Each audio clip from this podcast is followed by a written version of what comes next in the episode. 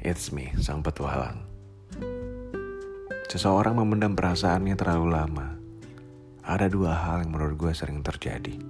Yang pertama, orang ini lebih berpikir lebih baik diam dan meneruskan persahabatan yang sudah terjalin lama daripada angkat bicara dan menyudahi hubungannya dan kehilangan. Yang kedua, udah merasa bukan berarti takut atau pengecut. Kadang ia cuma belum mampu aja melepaskan diri dari masa lalu.